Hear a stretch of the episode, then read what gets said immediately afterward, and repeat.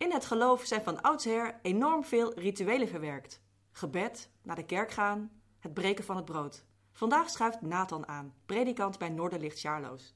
Trouwe luisteraars van deze podcast hebben hem al eerder gehoord. Maar vandaag dus over rituelen. Hoe zit dat anno 2021? Welkom bij de Noorderlicht Rotterdam podcast. Een serie gesprekken over geloof met inzichten waarmee je aan de slag kunt in je eigen leven. Nathan, wat fijn dat je er bent. Dankjewel. Ja, we Ja, zitten heel hier, fijn. Ja, we zitten hier om eh, 7 uur, tien voor half acht, s'avonds eh in de Prinsenkerk. Nog net voor de, de avondklok. En eh, ik ben heel blij dat je even wil aanschuiven. Ik vind het ook gezellig. Ja. Leuk. Tof. Rituelen, ja, ik noemde het net al in het intro. Hè? Gebed, breken van het brood, naar de kerk gaan. Wat voor rituelen heb jij in je dagelijks leven? Ja, rituelen is natuurlijk een heel breed woord eigenlijk. Ehm, ik moest allereerst denken aan, eh, aan het geloof, maar er zijn natuurlijk ook rituelen buiten het geloof. Dus met tanden poetsen, ochtends douchen. De rituelen van drie keer per dag een wat stevigere maaltijd eten. Eh, het zijn eigenlijk allemaal rituelen. Het leven hangt van rituelen aan elkaar. Hè? Nou ja, onbewust dus wel ja. Ja. ja. Een gewoontedier zou je ook kunnen zeggen. ja. In, hoe, Ja. in, hoe- in, in welke mate ben je gewoontedier als je veel rituelen hebt? Ik denk het wel, ja. En mensen hebben dus ook eh, blijkbaar rituelen nodig Om, om eh, structuur te hebben in hun leven. om te leven. Ja. Maar er is denk ik wel een verschil tussen ehm, gewoonten, een aangeleerde gewoonte, en een ritueel wat zeg maar een symbolische betekenis heeft. ja, en ik merkte wel een beetje, ik, heb, ik vanmiddag dacht ik, nou laat ik eens even kijken wat niet-christelijke mensen over rituelen zeggen. En dan kom je inderdaad meer op punten zoals gewoonten. Eh, maar rituelen zijn in het geloof denk ik vooral handelingen die je dichter bij God brengen. Ja, En wat zijn die voor jou? Wat, wat is dierbaar voor jou? ja handelingen die dierbaar zijn. Ja, dat is sowieso het gebed. Ehm, vind het fijn om regelmatig een kaarsje aan te steken. Wat natuurlijk verweven is met gebed, maar het, is, het voelt soms net even iets concreter. Ehm, Tastbaar? het is tastbaar, ja. Eh, je moet iets doen. En je ziet iets. Je ziet iets licht worden. Je ziet rook naar boven gaan richting God. Eh, ja, en de maaltijd van de Heer, het eindige avondmaal. Dat, is wel, dat vind ik ook wel een mooi en ook een belangrijk ritueel. Ja. Omdat je het ehm, met de Heer beleeft of met je gemeente? Of, hoe, eh, of gewoon de Nou ja. actie zelf al? Het bewustzijn van waar het voor staat? Eigenlijk al die dingen wel. Ja. Een ritueel brengt je dus dichter bij God. En geloven, dat is soms zoiets verstandelijks, zeker voor protestanten. Eh, en nu proef je het geloof ook op, opeens. En je ontvangt het. Of, nou, ik deel het dan uit als predikant. Eh, en in Sjalo's doen we dat in een grote kring. Dus ik deel het aan iedereen persoonlijk uit. Wauw. Eh, ja, dat is wel mooi. Dat je genade proeft. Ja. Ja, ja het is... Ja, En je slaat elkaar gade omdat je in een kring staat. En je kan Ja. echt die, die blikken niet ontwijken. Maar Ja. als je in een kerk zit, zit je in bank en kijk je allemaal naar voren. ja. Dat is dan een hele andere gewaarwording. Ja, het is wel mooi. De tafel staat dan in het midden en je moet dus gaan staan. Met elkaar in een kring gaan staan. Dus er zijn al een aantal acties totdat het ritueel plaatsvindt. Ja. En die acties zijn eigenlijk al rituelen op zich. Eh, die je dichter bij de essentie, dichter bij God brengen. Dus het heeft Ja. een- aanloop van de actie en dan de gebeurtenis op zich. En Ja. daarna het gevoel van die verbondenheid. Ja, de verbondenheid van we hebben dit met elkaar gedaan. Maar ook God was in ons midden. Dus er hangt eigenlijk een soort van wolkje om dat ritueel heen, omdat er nog wat voor en na gebeurt. Ja, precies. Ja, Zo zou je het kunnen zien. ja. Ja. Ja. Nou, en afgelopen zondag was er een doopdienst in, eh in Shadows dan toevallig. Maar dat is natuurlijk ook een ritueel. Zeker. Eh, je kunt gewoon zeggen tegen kind, ja natuurlijk hoor jij bij God. Eh, maar nu vindt er ook een handeling plaats, waardoor het ook zichtbaar wordt. En een hele gemeente zegt, ja, Precies, ja. Ja, dit willen wij ook. dat doen wij Ja, ook. Ja. Voor jou, baby. Ja. Eh, en dat geldt natuurlijk ook voor opdragen. hè. Er zijn ook in onze gemeente mensen die eh, nou, wat minder met de kinderdoop hebben, theologisch. Eh, maar die vragen dan wel een zegen over het leven. Dus de predikant die legt een hand op het hoofd van, van, van het kind. Hoe is dat eigenlijk ontstaan, dat opdragen? Want ik heb dat vroeger nooit over gehoord. Is dat iets nieuws? Of heb ik dat gewoon totaal niet op mijn radar gezien? ergens is het wel iets nieuws. Het is iets van de afgelopen honderd jaar, denk ik. Uh, dus gezien kerk, kerkhistorisch is het wel een, een vrij nieuwe trend. Maar het heeft te maken eigenlijk met de opkomst van de evangelische beweging. Dus die geen kinderen doopt. Uh, komt dus het daar vandaan? Daar komt het vandaan. En omdat binnen Noorderlicht ook wel wat evangelische invloeden zijn... Uh, en er ook dus mensen komen uit die beweging, uh, willen we die twee tradities naast elkaar hebben staan. Oh, ja.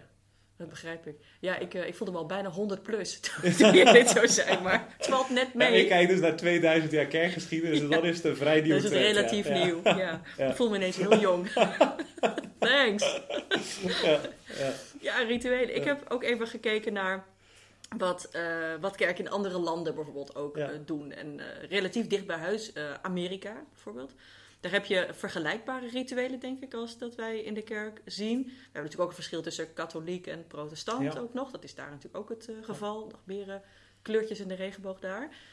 Um, en je merkt dat er altijd ook delen van de Bijbel worden aangekoppeld, zeg maar. Die worden daar ook bij voorgelezen, of die staan daar symbool voor, of daar refereert het aan. Ja. Um, zijn er bepaalde rituelen die, die, die jij uh, kent, uh, of die, die jou in het geloof heel bekend zijn, um, die gekoppeld zijn aan, aan bijbelse versen waar jij iets mee hebt? Ja, kijk, uh, als, als we gewoon al kijken naar die, naar die rituelen waar we het net over hadden, dus het gebed, de doop, het avondmaal, dat zijn rituelen die terug te leiden zijn naar de Bijbel. Uh, ze zijn door Jezus zelf ingesteld. Hij zegt van dat moet je doen. het is goed om te bidden. Het is goed om, uh, of als iemand tot geloof komt, uh, doop hem of haar dan. en verbind die persoon aan de Vader, Zoon en Heilige Geest.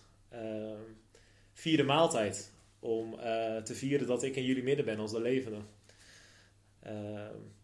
en als je kijkt naar het Nieuwe Testament, wordt er op een gegeven moment ook gezegd, uh, in de Jacobusbrief bijvoorbeeld, uh, als je ziek bent, ga dan naar de oudste in de gemeente, naar de leiders toe en vraag of ze je willen zalven met olie. de ziekenzalving. dus er zijn best veel rituelen in het Nieuwe Testament en zeker in het Oude Testament. Als je kijkt naar die hele Joodse eredienst met wierook en met wat we eigenlijk alleen nog bij de katholieken en bij de orthodoxen zien. Uh, uh, ja, de Bijbel staat vol met rituelen. Hmm. Ja. ja. ja. Um, het is natuurlijk de corona-lockdown-tijd en iedereen zit thuis te Netflixen. Ik ook. En uh, nu keek ik naar een serie, um, hoe heet het ook alweer? Uh, New Amsterdam. En het gaat over, uh, het is over een ziekenhuis, waar natuurlijk heel, heel veel met leven en dood te maken, nou, waar, waar, waar, leven en dood de grootste rol spelen, zeg maar, naast alle intermenselijke contacten. En uh, ik zag gisteren een aflevering van um, een operatie die, die moest gebeuren. En dat was heel erg risky, heel riskant. En um, de familie van de patiënt die was, was heel erg religieus, maar op een, een soort Afrikaanse uh, manier. Dus die had allemaal papjes met kruiden en die wilde een snee ja, zetten en zo. En allemaal dingen doen en rituelen.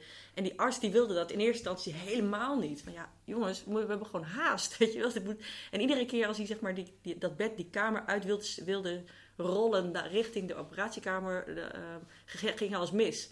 Totdat het ritueel toch uiteindelijk alles redden. Dus je zag zeg maar artsen ook een beetje worstelen met de balans tussen wat is wetenschap en wat is uh, wat wij weten, wat we kunnen, waar we controle over hebben. En wat is ritueel en waar hebben we gewoon geen vat op. Nee. En, en, en wat helpt. En niemand weet het. Uiteindelijk. Ja, en, en soms kan dus zo'n ritueel gewoon ook enorm helpen. Dus behulpzaam zijn. Ja. Uh, voor die persoon misschien daar op dat bed met die had die rituelen nodig om vertrouwen te krijgen om die risicovolle operatie in te gaan. Maar ze was bijna dood en ze was niet meer bij. Okay, dus, uh, ja, maar, maar, je weet het maar nooit. Ja, nee, precies. Ja, je weet het nooit. Maar het, ik, ja. als ik kijk naar... Uh, nou, ik kom ook best wel regelmatig mensen tegen die een, die een operatie in moeten gaan of uh, waar het niet heel lekker gaat. En dan een gebed of de handeling eh, van handen opleggen. Wat ik vaak doe bij mensen die op een sterfbed liggen of naar een operatietafel eh, gaan. Dat geeft rust. Je, Ja. ziet, je ziet mensen gewoon helemaal Ontspannen. ontspannen. Ja. Eh, Is dat, is dat een variant op de laatste sa- sacrament van de katholieke Eh, geloof? Dat ja, het is, wel vergelijk, het, is, het is wel vergelijkbaar, denk ik. Ja, ik, ik heb het zelf nog nooit meegemaakt dat iemand op een sterfbed vroeg om eh, de ziekenzalving. Eh, maar een gebed en handoplegging, het heeft wel dezelfde functie Ja. als het laatste sacrament. Ja. Ja, Ja. mijn, mijn pleegzusje die is eh, in 1998 is zij overleden, toen zij 19 was, in het ziekenhuis in Delft. Aan longontsteking. En zij lag tien dagen lang aan de beademing. En uiteindelijk was ik ook op de laatste dag bij haar en, en haar ouders, mijn pleegouders, die, die waren katholiek, zijn katholiek. En ehm, zij hebben dus echt op dat laatste sacra- sacrament ge- gevraagd, zeg maar. En eh, Ja. ze had het ook net gekregen toen ik daar naartoe ging om haar in de laatste uren bij te staan, Ja. zeg maar. En eh, dat, dat, dat hielp de familie ook enorm. En ehm, het, het, hielp, het hielp hen bij het haar loslaten. Bij het Ja. zeggen, ga, ga maar, laat maar los meisje. Ja. En dat is natuurlijk een enorm eh, emotionele, heftige en ook eh, ja, eh, gebeurtenis en een gevoel. En ook een transitie. Ja. De mogelijkheid om een transitie te maken van... Je, je bent mijn kind en nu laat ik je los. En voor de zieke, eh, al is het dan misschien buiten Westen op dat Ja. moment van... Ik, la, ik geef mij over. Ja. Ja. Ja. Ja, ja, en het is ook wel. mijn opa die ligt toevallig op dit moment op sterven. En, Sterkte. Ja, Ja. dank je. Ehm, en ik was daar van de week nog eventjes en hij was bij. En eh, de dagen ervoor had hij alleen maar geslapen. En eh, de dominee die kwam ook, eh, de predikant van mijn opa en oma, die kwam langs. Hmm. En die was al een da- aantal dagen eerder geweest en toen lag hij dus te slapen. En de predikant die zei van, ja, weet je nog wat ik, wat ik gelezen heb de vorige keer? Terwijl iedereen dacht dat hij aan het slapen was. En eh, mijn opa wist dat hij Psalm 23 had gelezen. Dus blijkbaar had hij dat toch gehoord en opgevangen. En ook, dat was ook continu, uw stok en uw staf die geven mij moed. Die tekst, dat was een soort refrein door zijn gedachten heen gaan, Een soort mantra. gaan zingen. Ja. Ja. Ehm, Was dat ook, eh, want Psalm 23 hoor je vaak dat dat, dat het, het anker is voor mensen. Ja. En je hoort, je hoort het Ja. heel vaak terugkomen. Het, het kan natuurlijk ook zijn dat, dat je opa dat ook met, met zijn predikant eerder heeft besproken. Van dit is zo belangrijk en ik haal je zoveel steun uit. dat, dat zou kunnen. Ja. Ja. Maar ik vond het wel Het is frappant. heel- het is dat heel dacht mooi dat het samengaat. Ja, Ja. Dat, dat ik dacht van ja, eh, soms denk je van iemand hoort het ook niet op een sterfbed als de handen opgelegd worden Toch eh, en er een gebed uitgesproken wordt. prachtig. Eh, maar hij had het blijkbaar wel gehoord ja, heel mooi. in zijn onderbewustzijn of nou, op een bepaalde manier. Wat doet dat met jou? Ja, ik vind dat wel mooi, dat raakt mij wel. Ja. Ja. Eh, en dat maakt het predikantschap ook wel extra mooi. Dat je namens Christus eh, op zulke cruciale momenten aanwezig mag zijn. En dat eigenlijk, eigenlijk bepaalde overgangsmomenten, dus eh, bij de geboorte, hè, dus of dopen of opdragen. Sommige mensen doen op een gegeven moment de beleidenis, of laten zich dan op volwassen leeftijd dopen. Nou, dat zijn vaak ook best wel een bewust moment. Eh, rond een huwelijk ben je aanwezig. Eh, rond ziekte, rond blijdschap en rond overlijden. Dus eigenlijk op hele cruciale momenten mag je daar namens Christus zijn. Alle mijlpalen. Ja, Ja. eigenlijk ja, heel veel mijlpalen in het leven. Dus ehm, dat is wel mooi aan kerk zijn. Het is ook, Ja. dat, Ja. dat kan ik me voorstellen Ja. voor je. Ja. Ehm, het is ook eh, ja, goed, denk ik, als ik dat wat, wat, wat kan over zeggen, kan zeggen. Maar dat er niet alleen voor de dingen bij, waar je het nodig voor hebt een ritueel is, maar ook gewoon voor de dingen die iets moois zijn om te vieren. Dus als er inderdaad een kind is geboren of als iemand gaat trouwen. Of, eh, ik, ik weet ook, en dat is natuurlijk een beetje omstreden in, eh, in, in, in de kerk. Maar als iemand bijvoorbeeld. Ik, ik, ik ken een dame die uiteindelijk bij haar man is eh, weggegaan omdat ze daar onveilig was. En zij maakte daar een ritueel van dat ze vrij was. ja, precies. En dat vond ik ook prachtig. Ja. Omdat het haar ook haar innerlijke kracht teruggaf en ook weer de energie om weer een leven daarna op Ja. te bouwen, in welke vorm dan ook. Ja. En dat, dat vond ik eh, schitterend. Ja. Ja, en ja, dat, dat hoor je natuurlijk vaak, maar sowieso dan bijvoorbeeld eh, het ritueel van als je trouwt een ring omdoen. Ja. eh, en als het echt niet meer gaat, die ring afdoen. Dat, dat, dat is eigenlijk ook al een heel ritueel op Ja. zich. Ja. Ehm, maar, ook, Ja. maar ook bijvoorbeeld eh, waarom willen toch de meeste studenten aanwezig zijn bij een diploma-uitreiking. Terwijl zo'n diploma is eigenlijk gewoon, als je het puur een beetje filosofisch bekijkt, is gewoon een stukje papier. Ja. eh, wat je ook digitaal kan opvragen. Maar het is fijn om na een studietijd een diploma-uitreiking te hebben. ja, je hebt er hard voor gewerkt. Je hebt er hard voor gewerkt en er wordt een feestje gebou- gebouwd, er wordt een toespraak gehouden, eh, je kleed je erop. Eh, het is fijn om bepaalde periodes te starten, eh, maar ook af te sluiten. Ja. Ja, ik zie het ook als een soort eh, de haltes in je leven, van de reis van je leven. Ehm, bij iedere halte moet je ook niet al te lang stil blijven staan. Weet je wel? Nee. Dus eh, als je die ring om hebt, nou prima. En dan ga je, dan ga je weer door met die ring. Maar dan, dan heb je gewoon iets meer in je koffertje zitten. Ja. En ehm, het, is denk ik, eh, het gaat denk ik mis wa- wanneer je te lang op hetzelfde punt blijft staan. En dat zeg ik eigenlijk uit eigen ervaring hoor. Eh, dus dat als je te lang in een bepaalde situatie stil blijft staan, wa- waarin je niet ehm, een nieuw ritueel maakt of achter je laat of toegroeit naar iets anders, dan ehm, groeit er ook iets niet in je. Ja. Ehm, dan is het soms ook lastiger om dingen van vroeger los te laten, Ja. bijvoorbeeld. Ja. Dus om die reis ook eh, met, met moed en met een vol hart te kunnen doen, te kunnen afleggen, Ja. eh, zijn rituelen ja, de, de, de mooie bushaltes in het leven, zeg maar. En bu- bussen moeten ook niet te lang stil blijven staan. Die zijn gemaakt om te, te rijden. hè. Nou, je, hoort het, je hoort het ook van veel Ja. mensen ook natuurlijk als het gaat om de kerkdienst. Hè? Dus de kerkdienst is ook een ritueel in de week, een, Ja. een ankerpunt. Zeker. Van na, een, na een drukke week, een week vol met vreugde of een week vol met Gedoe. pijn en verdriet of Ja. gedoe, eh, hè, gedonder op je werk, dat kan. Eh, even een ankerpunt van rust, van aanbidding, van woorden tot je nemen of gewoon stil zijn. Ik weet ook van mensen waar een preek het ene oor in gaat, het andere oor uit, maar personen hebben wel een ontmoeting eh, met God in de kerk. Eh, dus, dus alleen maar het ritueel van de kerk, kerkgang op, op zondag is ook al Ja. geweldig helpend eigenlijk voor veel mensen. De veilige haven. En dat hoor ik ook van oudere mensen bijvoorbeeld. Het ritueel van op zondagmorgen Nederland zingt op zondag kijken bijvoorbeeld. Eh, Ja. Als Ja. het er een keertje niet is, vanwege iets anders. Ja, Ik ben meteen van de leg. ja, dan, dan, dan zijn ze, ja precies. Ja, Dat is niet leuk. Nee. Nee. Nou, over, over eh, Nederland zingt eh, gesproken. Je hebt ook zoiets als Nederlands in beweging. Weet je, dat is ook zo'n programma waar mensen gaan sporten voor de televisie. Eh, ja. Ehm, en nu in coronatijd merk ik dat heel veel mensen thuis aan het sporten zijn gegaan. Ik doe zelf een figure eight, dat is zoiets, maar dan iets, ja, iets, iets anders. En ik, ik wandel veel buiten en zo. Maar je, je merkt dus dat mensen eh, thuis ook hun rituelen gaan vormen. Ook als ze niet naar de kerk kunnen gaan of als ze niet naar een sportclub kunnen gaan.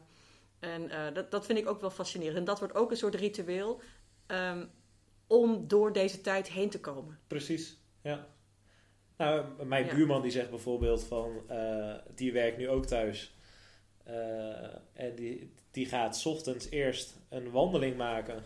En dan loopt hij naar zijn werk. Maar hij Ja. loopt eigenlijk naar Ja. zijn eigen Ja. studeerkamer toe. Maar hij loopt eerst een, een wandeling eh, van nou, eh, vijf- 5000 stappen of zo. En dan Ja. loopt hij naar zijn werk eigenlijk. Dus, Super, ja. eh, maar dat werkt. Het werkt heel goed. Ja. Ja. Ik, ik doe het ook meestal, maar dan niet 5000 stappen. Dat, dat, dat doe ik meestal smiddags. Oh ja. Ja, Dus als ik denk van ik ben nu ongeveer klaar of het is een middagbreak, dan maak ik een, eh, een wandeling. En het helpt ook echt. ja. Sowieso om even een, een, eh, een muurtje te slaan tussen thuis en werk. Maar ook omdat beweging en frisse lucht gewoon heel goed is voor alles wat tussen je oren zit. Eh, en je ook dingen die je normaal op een andere manier of zou afreageren of even mee, mee zou dealen, eh, die, daar kun je dan makkelijker mee omgaan.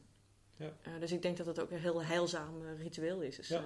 ja. dat voel ik helemaal Ja. met je buurman mee. Ja. Ja, Ja, in beweging zijn is sowieso goed natuurlijk. Ja. ja nee, zeker, zeker. Nog meer over beweging. Ehm, het ritueel van het schietgebedje. Topsporters die, die iets doen. Hè? Dat is iets, iets, Ja, Iets of heel even snel anders. kruisjes slaan of zo. ja, Ja, er zijn heel veel mensen die, Ja. die toch dat ritueel hebben van of even bidden, of even, of is het drie keer met een Ja. schaats tegen een enkel tikken. Dat is een andere mate van eh, religiositeit natuurlijk. Maar wel dat, dat vasthouden aan van als ik dit niet doe, dan zal het wel eens mis kunnen gaan. ja, Of als ik dit doe, dan, dan voel ik me sterker. Hè, dus meestal is dat afhankelijk van de situatie natuurlijk, denk ik. Kijk, dat is natuurlijk wel het mooist. Eh, Ja. eh, Ja. Anders wordt het een beetje bijgelovigheid. Ja, precies. Eh, dus waar ligt die grens, hè? Ja, voor- precies. Ja. Maar schietgebedjes, ja, geweldig. Als je wandelt met God, gewoon de dag door. Waarom zou je alleen maar bidden op vaste momenten? ja. Ja. ja. Maar echt de rituelen van topsporters, van bepaalde kleding, een bepaalde volgorde. en Ja. Zo. Het, het is ook ergens eh, het zoeken naar bepaalde ankerpunten van controle, terwijl je weet dat je nooit alles in zo'n wedstrijd in de hand hebt. Nee, nee. Maar dat besef is natuurlijk al heel mooi. Hè? Ik vind het heel Ja. mooi als ik eh, topsporters uit eh, de Latijns-Amerikaanse landen een kruis zien slaan, bijvoorbeeld voor een, voor Ja. een wedstrijd begint. Waarin ze eigenlijk ook een soort statement maken van: ja, ik doe mijn best. Eh, maar ik ben ook maar afhankelijk van de adem die, die God mij geeft. Ja. Afhankelijk van, eh, van de gezondheid die, die Hij mij geeft. Ja. Ehm, eh, ja, wij leven soms als halve goden, als westerse mensen, denken dat we alles in de hand hebben. Ja. Maar dat is natuurlijk niet zo. Dus zo'n ritueel kan ook, kan ook een soort statement zijn, ook richting jezelf, of een soort herinnering aan jezelf. Van ja, ik ben die en veel mensen kijken naar me, die juichen me toe, zijn fan van me. Eh, ik ben misschien ook wel een idool van heel veel jonge mensen. Eh, eh, maar, maar ik krijg het van God. Ja. Ja. Dus het houdt je nederig, bepaalde. Het houdt je nederig, Ja. ja. Ja. En, en dat, dat is wel echt geweldig mooi. Ja, ja. Het, het, het geeft denk ik ook de kracht om je over te kunnen geven. Ja. Ja. En het, het, wat, wat ik aan, me, aan mezelf merk, dat is dat als ik eh, of een bepaald ritueel heb of eh, de bewuste keuze heb van ik, ik geef mij over, want ik heb niet alles in de hand, dan eh, geeft dat ook meteen ontspanning. Ja. En dan niet zo van ik schuif het van me af, regel jij het maar, maar meer van ontstaat er ruimte om het wel op te kunnen brengen. Ja. Zo ervaar ik dat, ja. Ja. Ja, rituelen in tijden van corona. Ook zo'n dingetje. We hadden onlangs het avondmaal via livestream op YouTube. ja. En ik, wer- ik, ik dacht van, oh wat goed dat, dat, dat, dat, dat, dat, dat we dat doen. En eh, er zijn denk ik ook wel positieve reacties eh op gekomen. Sowieso via de e-mail eh, Ja. kwam het wel binnen. En ik vond het zelf eigenlijk ook heel erg tof. Ja. Ja. Wat, wat vind jij ervan? Ehm, ja, ik vond in het begin vond ik het eerlijk gezegd nog best wel lastig. Dat was, meer met theologisch, theologisch gezien. Door het breken en het geven? Of? Nee, dat nog geen eens, maar dat het echt wel een heel heilig gebeuren is. Ja. Eh, het, het avondmaal. Het is niet zomaar iets. Gewoon brood breken en Mhm. Jezus herinneren. Mhm. Eh, ik geloof dat hij echt tegenwoordig is eh, met zijn geest. En tegelijk, toen ging ik er later ging ik er verder over nadenken. Dacht van ja, maar die Heilige Geest die, die werkt natuurlijk niet, lang niet alleen maar in de kerk. Dat, dat is dat, hoe geweldig is het dat je vanuit zoveel verschillende huizen er een gebed uit wordt gesproken. Hè. Er wordt vaak een gebed uitgesproken over de gaven. De Heilige Geest wordt aangeroepen. Eh, en dat die Heilige Geest dan ja, overal aanwezig is in verschillende woonkamers en eh, overal daar waar brood gebroken wordt. En eh, daar is verbinding met God en met elkaar. Ja. Ja, dus ik, het is wel heel mooi en concreet kerk zijn Ja. in tijden van corona. Dus eigenlijk toch een soort van verandering in hoe je het ervaart. Ja, Mooi. ja, Doe me denken aan de eerste weken van eh, corona, nu een jaar geleden. ja, het gaat hard. Jammer genoeg. Ja, ook zo'n ritueel. Je verjaardag, corona is jarig. Ja. Wat geven we haar? Een Ja. prik. Anyhow, eh, die eerste weken, toen eh, had de PKN, volgens mij, zo'n ritueel dat iedere woensdag om zeven uur, geloof ik, de klokken van alle kerken eh, gingen bijeren, Ja, luiden. luiden voor de hoop. Ja, prachtig. Ja, Prachtig. Ik vond dat zo mooi, omdat je gewoon overal de ontreddering en de schok zag en voelde van iedereen. Eh, Ja. Van wat, wat, ge- wat gebeurt ons nou in één keer? en de onmacht. En dat het dan zo stil buiten was. En dat je, dat je niemand op straat zag. En dat je de kerk hoorde. Ja, Ik vond dat, ik vond dat eh, super. ja, Ja, en Ja. eh, eh, sommige mensen vonden het heel fijn, andere mensen vonden het heel erg oorlogachtig. Eh, van uh, on, ja een de sound, bijna. de sound of music, zeg maar, dat die klokken gaan luiden en dan de Duitsers Oh, binnenkomen ja. eh, Ja. lopen. Ja.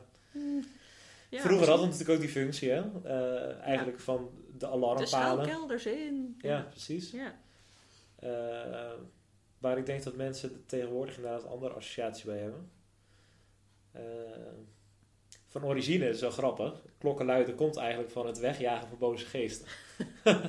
Oké. Eh, en daarna kreeg het dus een vooral functionele functie van eh, eh, de vijand komt eraan. ja. Dung, dung, dung, dung.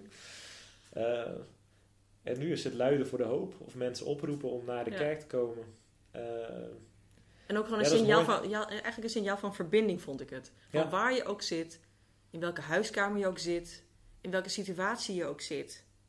Ziek of niet, ja, alleen of niet, we zijn met z'n allen verbonden. ja. Dat vond ik eh, echt Ja. heel eh, mooi. Ja. Ja. Die tijd was ook ergens mooier dan de tijd van nu. Waarin we heel erg niet? aan het mopperen zijn. En eh, ja, dat gezeur joh. Ik vind dat, ja, nee, nu ook met de verkiezingen natuurlijk, alle partijen moeten statements maken, en, maar je ziet veel polarisatie. En wat het mooie was aan die eerste weken, dat niemand wist wat dat virus was. En dat, dat iedereen zijn best deed om verbinding te zoeken met elkaar. Boodschappen doen voor elkaar. Ja, precies. Even Ja. checken hoe het is. Ja, En nu zie je toch dat iedereen zich weer een beetje terugtrekt in eigen bunker. Jammer hè? Eh, ja, dat is jammer, ja. Ja, vind ik echt jammer. Ja. Ja, Ja. ja ik, ik vond ook, want ik werk stiekem al jarenlang ook vanuit huis. Dus ik vind het helemaal niet zo'n super groot probleem. Het duurt alleen nu wel een tijdje hoor. Tijd, wel echt lang. Maar ik was er eigenlijk wel aan gewend. Maar ik, ik kon me ook voorstellen dat als je. Ja, hoe zou ik het zeggen? Als je dat niet gewend bent en je raakt zoveel dingen kwijt en eh, een risico op, op je het verlies van je gezondheid en je moet je bedrijf uit en dat dat eh, enorm ontregelend is. Eh, maar die, die begintijd, die was voor mij qua werksituatie heel vertrouwd. Omdat ik gewoon thuis op mijn eigen kantoor zat. Maar tegelijkertijd voelde ik me dus meer verbonden met anderen. Omdat iedereen dezelfde, nou ja, vijand had, zeg maar. En normaal ben je helemaal niet zo bewust van vijanden of zo, weet je wel. Maar het was wel iets wat ons bond. En waar mensen zich ook naar, naar handelden. En dat, dat vond ik... eh, ja, dat heeft me wel echt geraakt. En ik vond het ook heel fijn om te zien, om dat in deze wereld te zien. En nu mi- mis ik dat wel een beetje. Ja. Ik heb er wel een beetje wat heimwee naar. Ja. Weemoedig kan ik daarop terugkijken, naar een Ja. jaar geleden. Nee, ja, Ja. Gek hè? Beetje- the- theologisch gezien, theologentaal zeggen we, ja, de oude mens komt weer terug. Ja, Eh, ja akelig hè? dat, is- ja, dat is... eh, Heeft mooie kanten en minder mooie kanten. ja, ja, Ja. eh, eh, Maar even een leuker ritueel. Ja, trouwen. Een van mijn vrienden, die is, eh, of twee van mijn vrienden moet ik natuurlijk zeggen, die zijn eh, getrouwd afgelopen augustus. Eh, en dat zouden ze eigenlijk doen ehm, met een heel groot feest. ja, En ehm, ze hebben het feest uitgesteld tot augustus 2021. Maar ze zijn nu wel voor de wet getrouwd. En ik kan me dat heel goed voorstellen. Maar ze hebben wel echt een, een weg moeten vinden om dat ritueel zo vorm te geven. Op een manier dat het voor hen ook volwaardig en goed en heel voelde. ja, En dat er ook voldoende overbleef om het te delen met ja. iedereen die hun lief is. En er zijn natuurlijk zo ontzettend veel mensen die hun huwelijk hebben uitgesteld. En ehm, rituelen en baby's. eh. Ja. Dus hoe, hoe gaat dat nu zijn voor jou? Heb je, heb je het idee van, nou, het is nu anders geworden ook, die rituelen? Of meer mensen gaan dat soort rituelen op afstand beleven? Of mensen snakken daar enorm naar? Of, Ja, rituelen worden anders. Eh, wat, wat ik wel leuk vond eigenlijk, dat ik heb ook best wat stellen getrouwd afgelopen jaar. Ehm, en ik hoorde van best wat stellen dat ze het ook wel weer mooi vonden, die kleinschaligheid. Ja. Dat zeiden van, ja, we hoeven niet meer die tante uit te nodigen die we eigenlijk helemaal niet zo leuk vinden, maar wat toch een beetje verwacht wordt, omdat dat, dat die er is, zeg maar, op het feest. En wij hadden nu alleen een feest met goede vrienden en met familie. Ja. Ehm, dus het ritueel werd anders. maar dat wil niet altijd zeggen dat het slechter wordt. Dus Klopt. oude rituelen werden weer even door elkaar geschud misschien. Ja. Ehm, We werden ook een beetje wakker geschud van hoe willen we dit in ons Ja. eigen leven werkelijk vormgeven. ja. Nou, ook rond een uitvaart. Eh, Ja. Ik hoor van families dat ze het eigenlijk wel fijn vinden dat ze op de avond voordat de, de uitvaart plaatsvindt, nou, normaal gesproken, eh, ik weet niet hoe, dat- hoe dat hier is, maar Condoleance. heb je enorm lange condoleance inderdaad, waar zeker als iemand wat jonger is, veel mensen over de vloer komen. Eh, en dat is voor een weduwe, weduwnaar, mensen die achterblijven, is dat soort wel een hele ris van mensen. En het is ook best wel kaal. Er wordt gecondoleerd gezegd of sterkte. Of, eh, maar als je s'avonds in bed ligt als achterblijver, weet je soms helemaal niet meer wie er allemaal geweest zijn. Ja. En nu mag het niet. Ja. Eh, en gaan mensen kaarten sturen Ja. waar ze een heel verhaal op schrijven. Nou, dit heeft hij of zij voor mij betekend. Ja. Eh, eh, en is het afscheid eigenlijk veel intiemer. Ja. Eh, en dat vind ik wel interessant voor de komende tijd. Van, moet, je, moet je dat dus nog willen? Ja. Of kun je gewoon zeggen op een rouwkaart...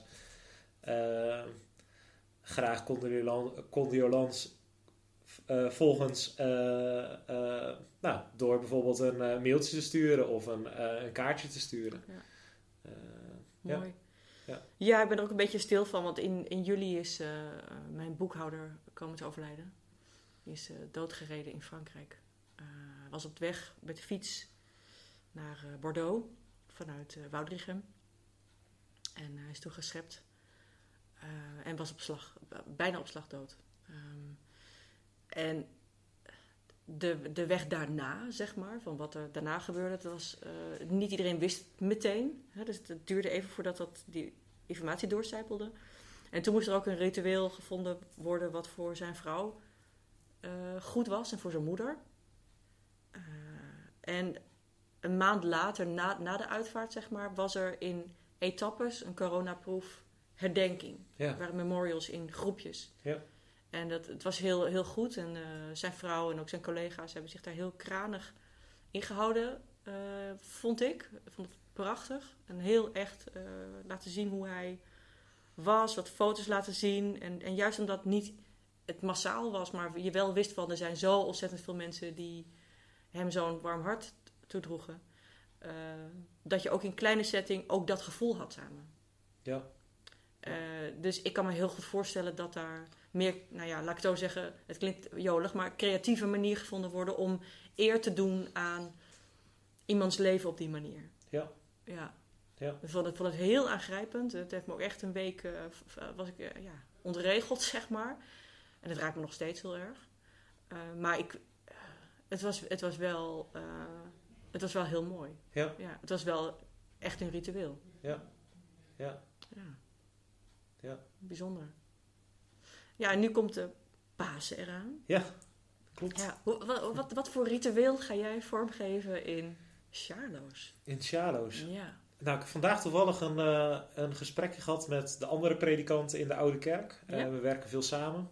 Eh, wij zitten voor, nou, Witte Donderdag is altijd, ik vind Witte Donderdag altijd geweldig.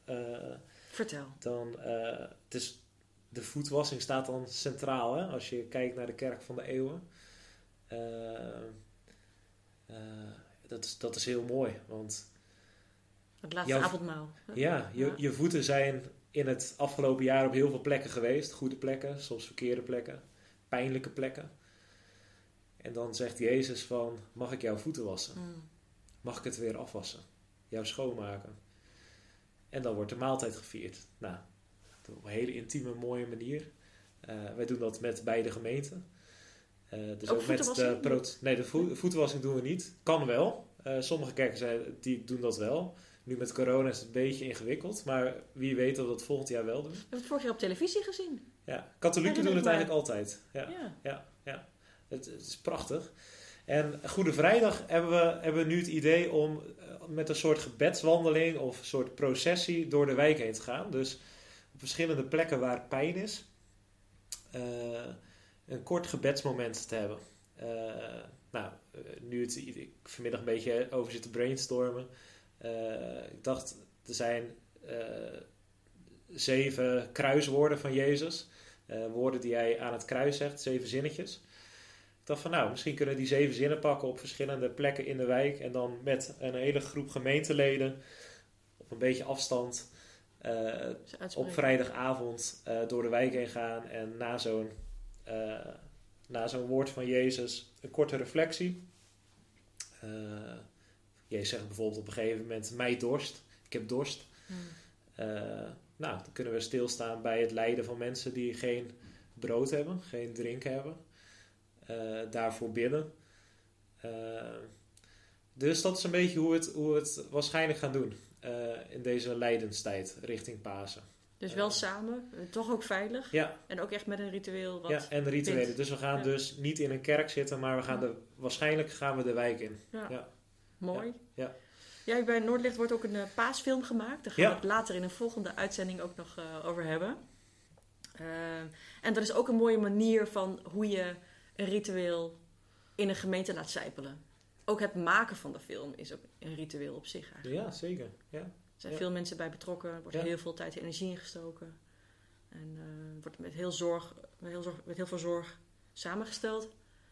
Ehm, ja, dus het, is ook, ehm, denk ik, een uitdaging om voor eh, al die verschillende gemeenteleden iets te vinden wat, wat resoneert. Ja. En dat uit te, pro- uit te proberen. Ja, ja, Ja. ja. ja. en ik, ik ben persoonlijk dus echt heel... Ik hou echt van de concrete rituelen. Van naar de kerk komen. eh, eh, en eh, gaan wandelen door de wijk heen, zeg maar. Bidden, reflecteren. Ik vind dat echt wel een... eh, dus echt wel concreet die handelingen opzoeken. En, en het is prachtig, zeg maar, als dat naast die mooie film die gemaakt wordt, want ik weet zeker dat het mooi wordt,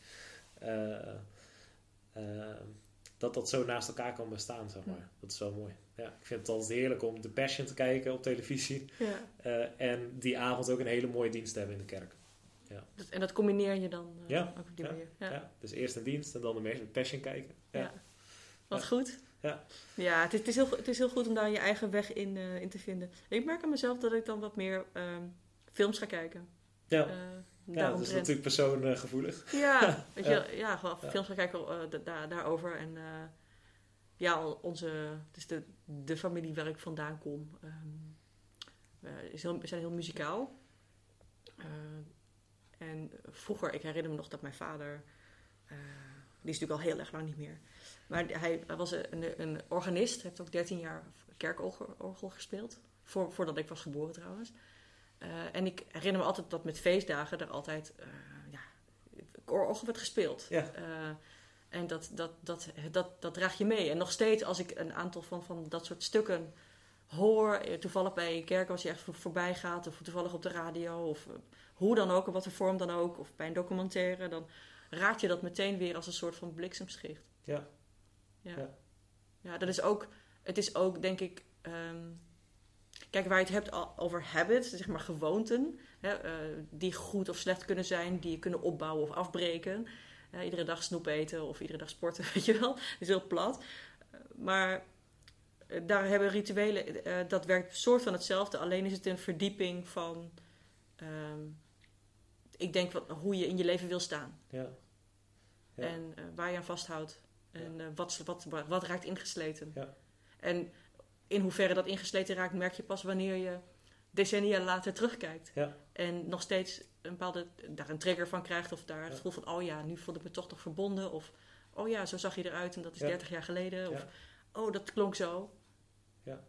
Dus. Die, die, die verbondenheid, dat is denk ik niet alleen bij rond dat wolkje van het ritueel heen, maar ook iets wat op de lange termijn eh, speelt. En dat Ja. maakt denk ik ook de kracht van rituelen zo, Ja. zo krachtig. Ja, het, het raakt een essentiële laag. Ja. Eh, ja. Ja. Een laag die dus ook al in het verleden aangeraakt kan zijn. En dat kan in positieve en in negatieve Precies, zin zijn. ja. Maar daarom Ja. is het denk ik eh, belangrijk om heel bewust, eh, heel wakker om te gaan met goede rituelen Ja. die, die je opbouwen. Ik merk ook dat, eh, in de, is een beetje in het kader van schietgebedjes, maar ook een beetje wat dieper, denk ik. Ehm, ik heb ooit een toespraak gegeven bij de eh, eh, TEDx Delft. En eh, daar, daar noemde ik ook mijn pleegvader, wat hij voor mij had gedaan toen ik als tiener, nou ja, ergens op een kamertje zat en vrij weinig kansen had nou, als weeskind. En ehm, wat ik niet vertelde op dat podium, dat was dat die pleegvader, Koen, die was twee maanden daarvoor was hij overleden. En eh, hij lag begraven op het kerkhof naast de aula van de TU Delft, de Jaffa begraafplaats. En TEDx Delft was op de, op de aula, congrescentrum, precies daar. En voor mij was dat echt, eh, ik vond dat heel moeilijk om ehm, over hem te praten, al, al, al, al was hij er nog, hè, al waren hij er nog. Terwijl hij, nou ja, net was overleden en daar in die zaal dat verhaal te vertellen over wat hij had gedaan. Zonder te vermelden dat hij er niet meer was. En wat mij hielp, was een ritueel. Mijn ritueel was dat ik de wissel deed bij de voorbereiding. Dus in de weken voorafgaand aan dat wat ik moest doen, eh, ging ik oefenen op datzelfde podium waar ik later die talk moest gaan geven. Dus ik ging eerst naar het kerkhof, naar het graf van, van Koen. En daarna keek ik naar dat gebouw waar ik mijn speech moest geven. Dan liep ik daar naartoe. Ik maakte die kamer als mijn huiskamer. En ik vulde de kamer met mezelf en met, alles wat het, wat het nodig had. En ik ging het touwtje springen en allemaal de dingen doen die eigenlijk heel ontspannen zijn. Daarna weer terug naar het kerkhof en daarna weer naar huis. En dat heb ik drie keer gedaan. En toen ik eenmaal op dat podium stond, toen, toen wist ik dat het ritueel zo ingesleten was. En ook mij zoveel rust had gegeven, dat ik wist, dit gaat gewoon wel lukken. Ja.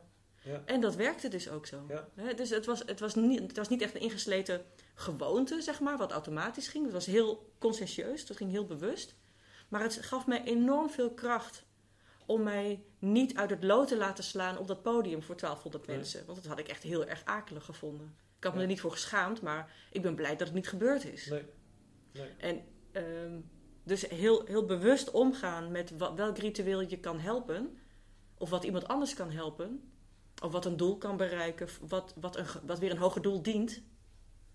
Eh, want dat had het. Het was, ging over weeskinderen in Nederland. Het ging niet over mij, mijn perceptie. Het ging juist over wat ik kon doen. Dus er was mij heel veel aan gelegen dat dat op een manier ging. ehm, op basis van vertrouwen. Ja. Zonder te breken. Ja. En ehm, er is iets heel moois in gebrokenheid. Maar ik denk dat het feit dat ik gebroken was, het feit was dat ik daar mo- mocht staan. Ja. Dus dat, dat was al gelukt, zeg maar, Ja, die gebrokenheid. Maar ik was heel blij dat het ritueel mij had geholpen om, om dat te doen. Ja. En dat maakt denk ik ook dat, dat ik er zo trots op ben dat dat eh, gelukt is. Los, los van de prestatie. Weet je wel, meer ehm, dat, dat eh, de daad van je overgeven in combinatie met het ritueel ehm, dat mogelijk maakt. Ja. En dat, dat, dat vind ik wel iets heiligs hebben. Ja. Ja. Ja. Ja. Ja. Mooi. Ja. Wat voor rituelen ehm, staan jou te wachten in je komende tijd, in jouw leven?